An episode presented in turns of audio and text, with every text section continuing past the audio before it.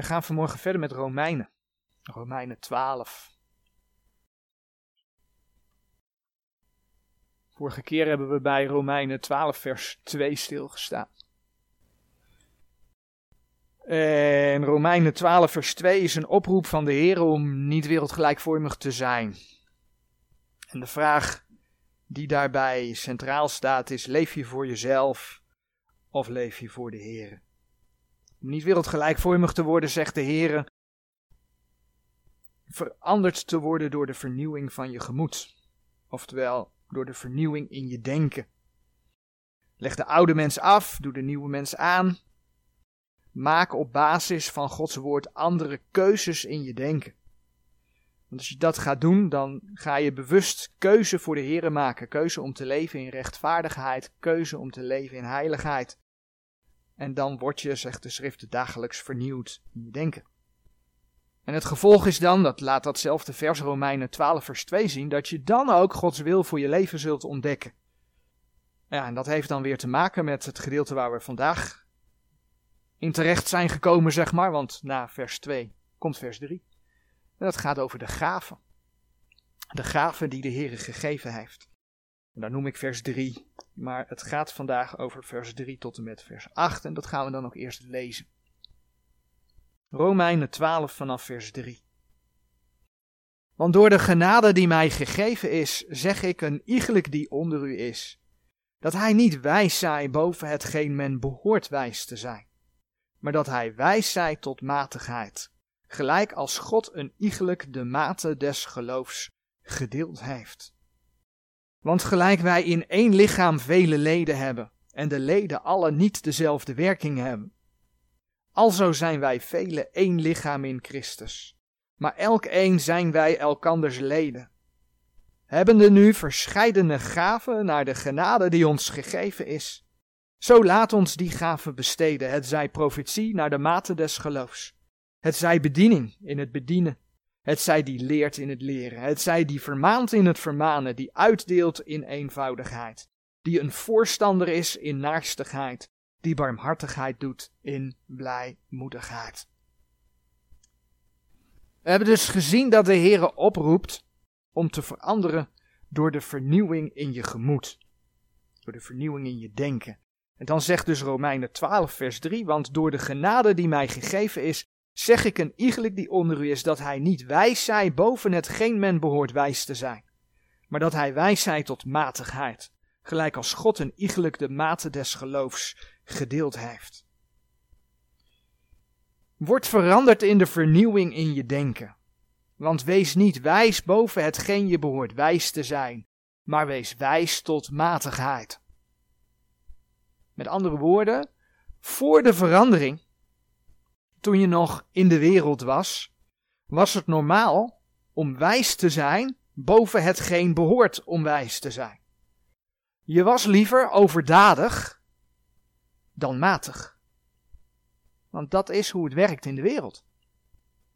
Je gaat voor je werk, zodat mensen trots op je zijn. Als ze de resultaten zien. Maar die trots gaat vaak nog verder. Het liefst profileer je jezelf zo, zo goed mogelijk. Ja, en vaak gaat dat in de wereld ten koste van de ander. En je doet er een schepje bovenop om bijvoorbeeld die goede baan te krijgen. En dan zie je later wel hoe je dat oplost. Zo gaat dat ongeveer in de wereld. En dat is allemaal zodat jij gezien kunt worden. Dat jij belangrijk bent. Gezien kunt worden door de andere mensen. En dan zegt de Heer dus, vers 2, dat je niet wereldgelijkvormig moet zijn. En dat je niet beter of wijzer moet voordoen dan dat je bent. En ja, als we de versen verder lezen, dan zie je dat de Heer dat betrekt op de gemeente, want ook onder christenen zie je dat. Dat mensen graag beter willen zijn dan de ander, wijzer willen zijn dan de ander. Maar als christen hoor je de dingen niet te doen zodat mensen trots op jou zijn. Maar als christen doe je de dingen omdat de Heer die van je vraagt. Je doet het voor Hem, tenminste, zo zou het moeten zijn. Efeze 6, vers 5 tot en met 8 zeggen daar het een en ander over. Efeze 6 vanaf vers 5.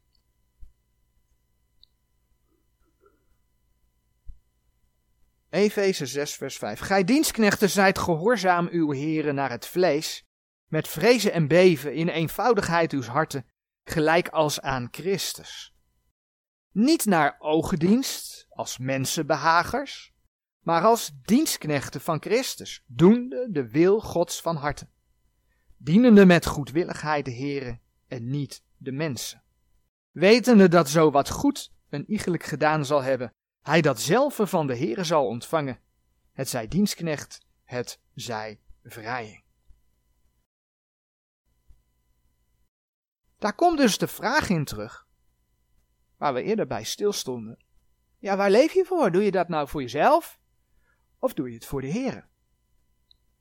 Want uiteindelijk gaat het om zijn eer. Als we bijvoorbeeld Matthäus 5 vers 16 uh, eh, erbij pakken. Matthäus 5 vers 16. Is een mooi vers. Laat uw licht al zo schijnen voor de mensen, dat zij uw goede werken mogen zien, en uw Vader die in de hemelen is, verheerlijken.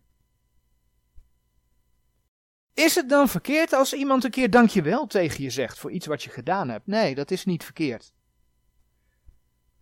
Maar het is wel verkeerd als je datgene gedaan hebt om dat dankjewel te ontvangen.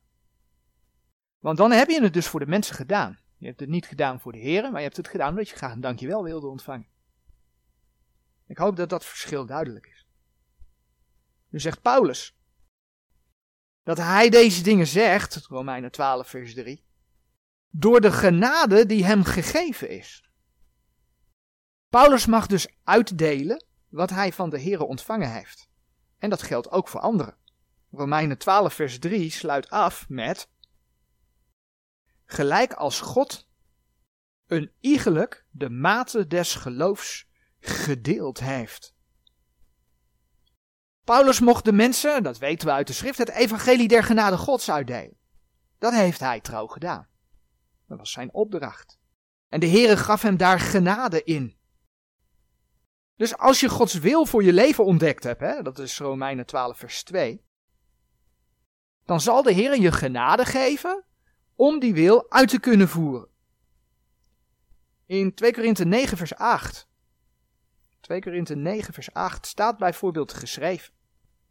En God is machtig alle genade te doen overvloedig zijn in u, opdat gij in alles, alle tijd, alle genoegzaamheid hebbende, tot alle goed werk overvloedig moogt zijn. En God is machtig alle genade te doen overvloedig zijn in u, opdat gij in alles, alle tijd, alle genoegzaamheid hebbende, tot alle goed werk overvloedig moogt zijn. Zo. Nu staat dit vers, als je dat in de context gaat lezen, in de context van het geven. Geven of uitdelen. Nou, als je dan in Romeinen 12 kijkt, dan wordt geven ook als een van de gaven genoemd. Uitdelen of geven wordt als een van de gaven genoemd. Romeinen 12 vers 8. En als dat dus jouw specifieke gave van de Heer is, dan zal de Heer je daar de genade voor geven. Maar betekent dit dat als je als gelovige moet toeleggen op, en dat staat dus in 2 Korinthe 9 vers 8, hè, op alle goed werk, alle goed werk. Betekent dat echt dat je dan voor alle goed werk moet gaan? Want dat is wat je dus uit dat vers zou kunnen halen. Als je daarover nadenkt, dan zou je waarschijnlijk nooit meer tot rust komen. En dat is dus ook niet de bedoeling. Je wordt als christen opgeroepen om mate te houden naar de mate des geloofs die de Heere jou gegeven heeft. Als we naar Paulus kijken en het brengen van het evangelie der genade Gods, dan betekende in zijn geval mate houden dus niet dat hij maar een beetje van het evangelie der genade gods ging uitdelen, zo hier en een beetje daar. Nee, Paulus had een mate des geloofs gekregen. Hoeveel staat er niet bij, maar hij had een mate des geloofs gekregen. En die mate gaf hij door. In 1 Korinthe 9 vers 16 en 17. 1 Korinthe 9 vers 16 en 17, daar lezen we. Want indien ik het evangelie verkondig, het is mij geen roem.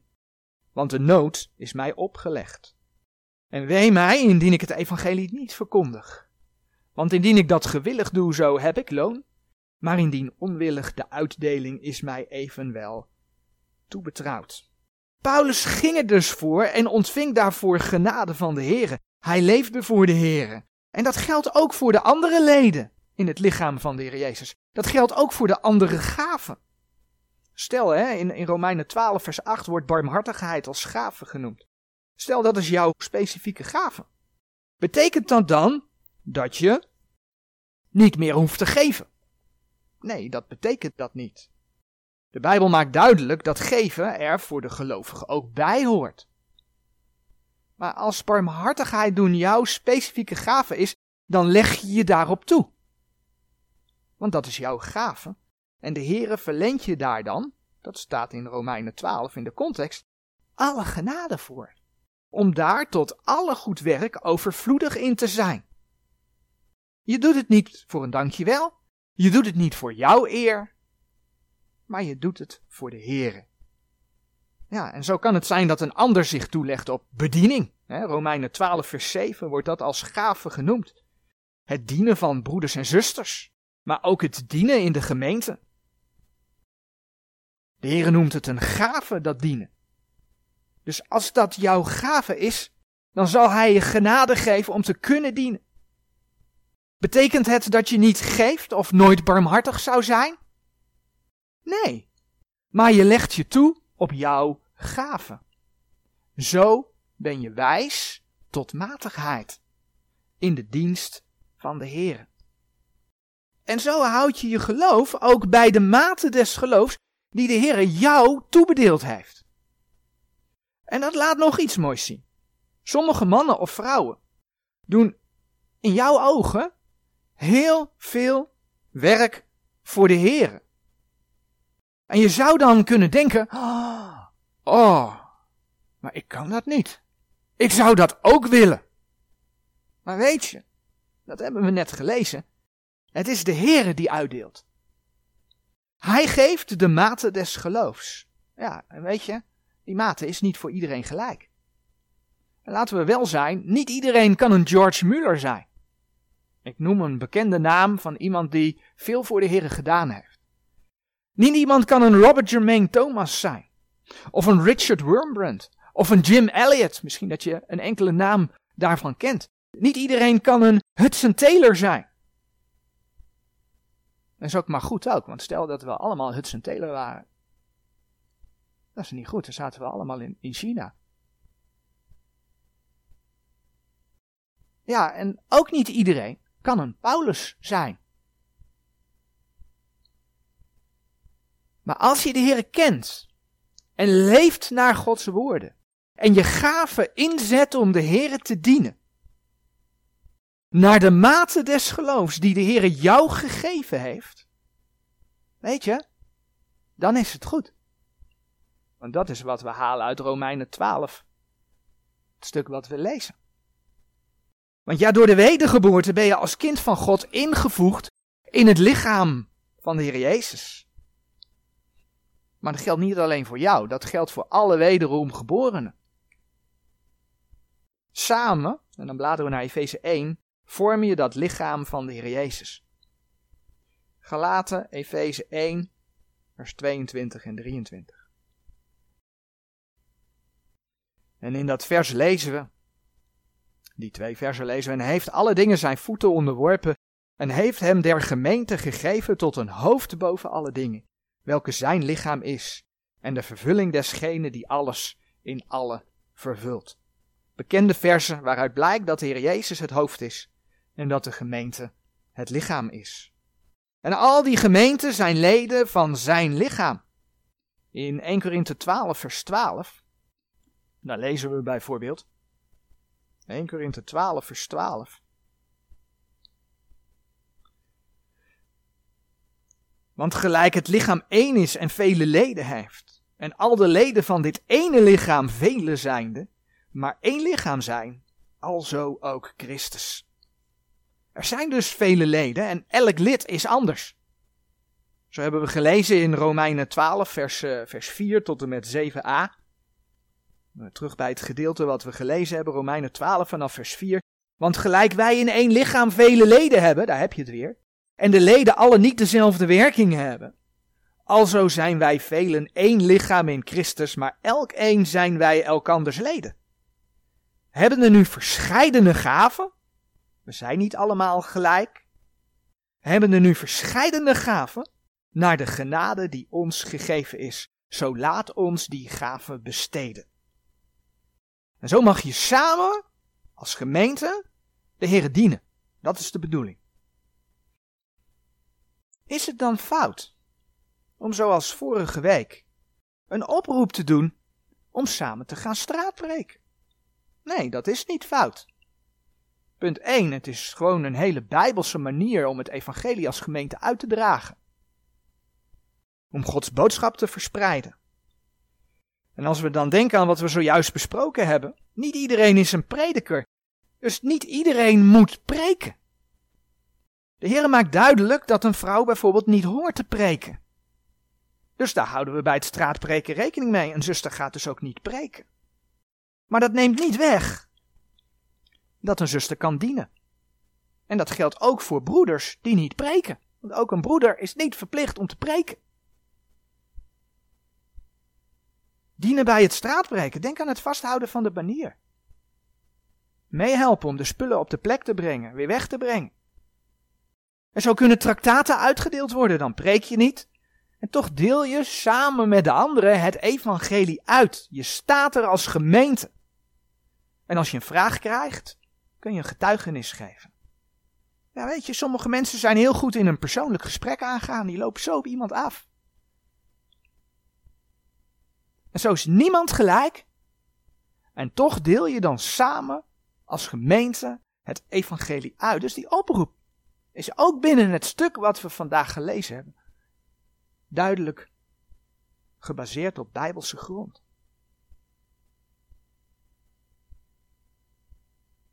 In dit gedeelte van Romeinen 12 en dan vers 7 en 8 lezen we over diverse gaven.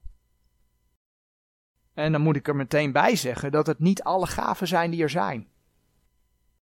Er zijn meerdere gaven en gedeelten in de schrift waar je ook over gaven geschreven vindt.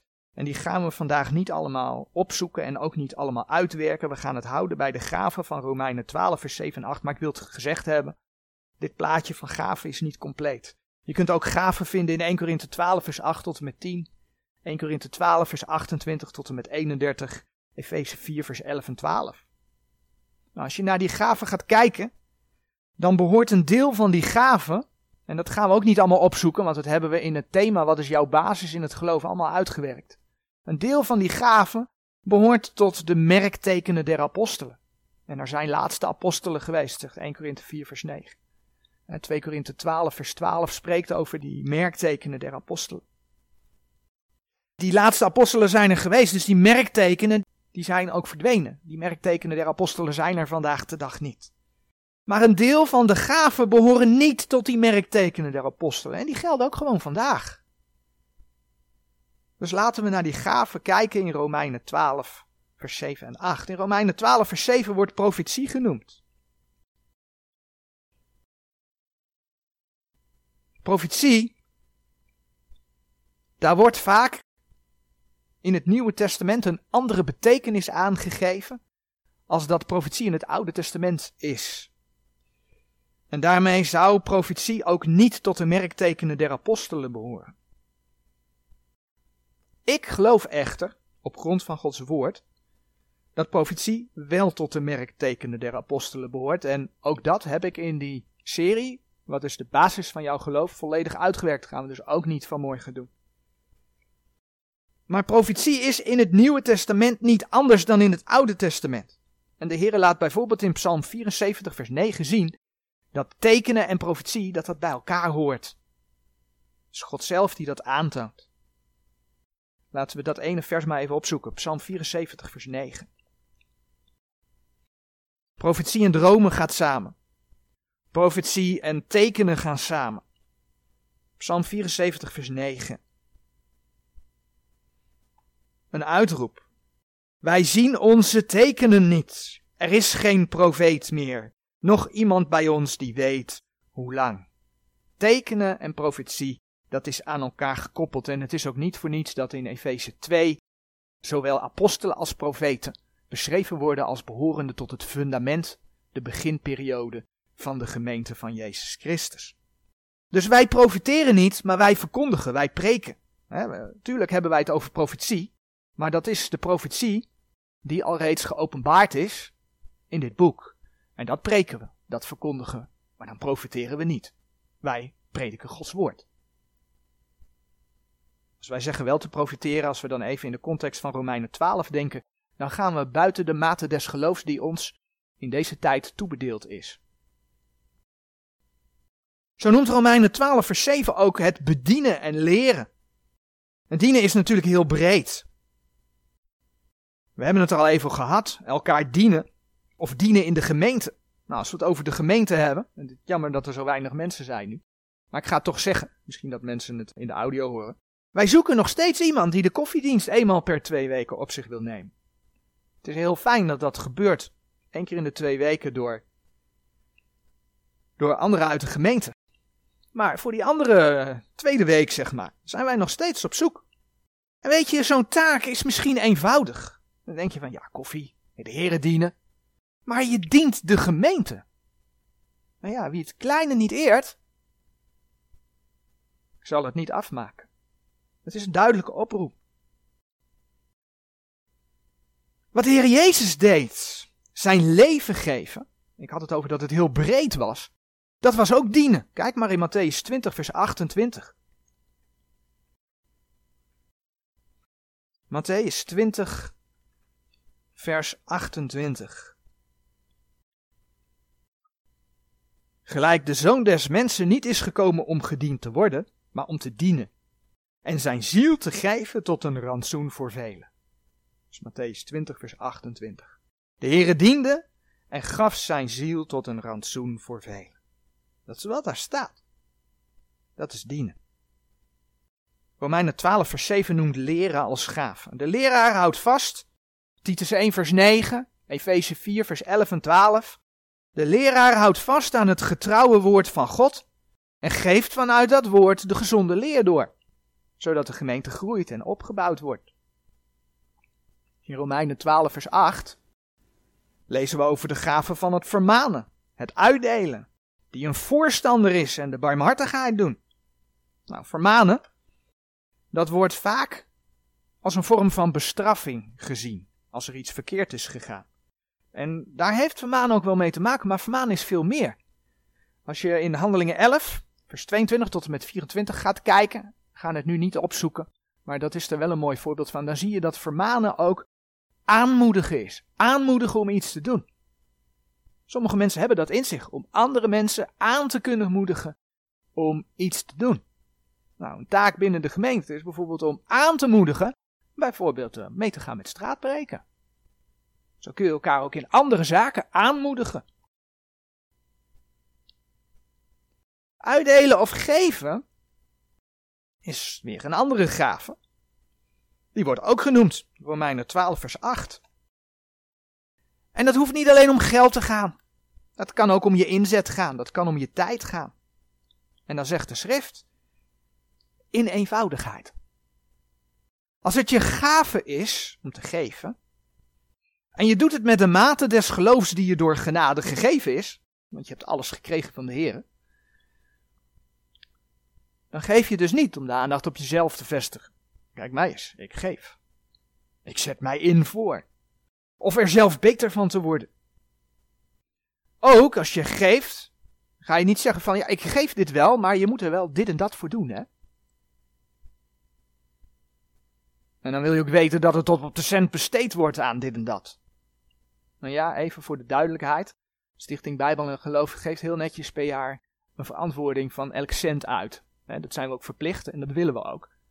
Maar als je een gift geeft en dan eigenlijk al oplegt dat. Nee, het is een gave. Jij geeft het en als je het geeft, geef je het in vertrouwen op de Heer. Omdat de Heer jou daartoe geleid heeft. En dan kan Hij het gebruiken tot een zegen. Wat is een voorstander? Nou, een voorstander is iemand die gesteld is over. Die iets voorstaat. Net een ander woord dan voorganger, maar het heeft er wel mee te maken. En dat heeft dus te maken met het regeren binnen de gemeente. 1 Timotheus 5 vers 17. Regeren, ergens over gesteld zijn binnen de gemeente, dat heeft dus met ouderlingen te maken. En zij moeten dat, staat er in naarstigheid. Dat betekent, ze moeten dat zorgvuldig doen. Nou, mooie teksten die daarover gaan, gaan we ook niet opzoeken, gaat het veel te lang duren, maar 1 Petrus 5 vers 1 tot en met 4. En ook daarin geldt dat het de Heere is die daarvoor de genade en de mate des geloofs geeft. Nou, daar mag je dan van uitdelen. En als laatste is er de gave van het doen van barmhartigheid. Omzien naar anderen. Anderen in nood. En dan niet met een zuur gezicht, zo van, oh, ik moet helpen.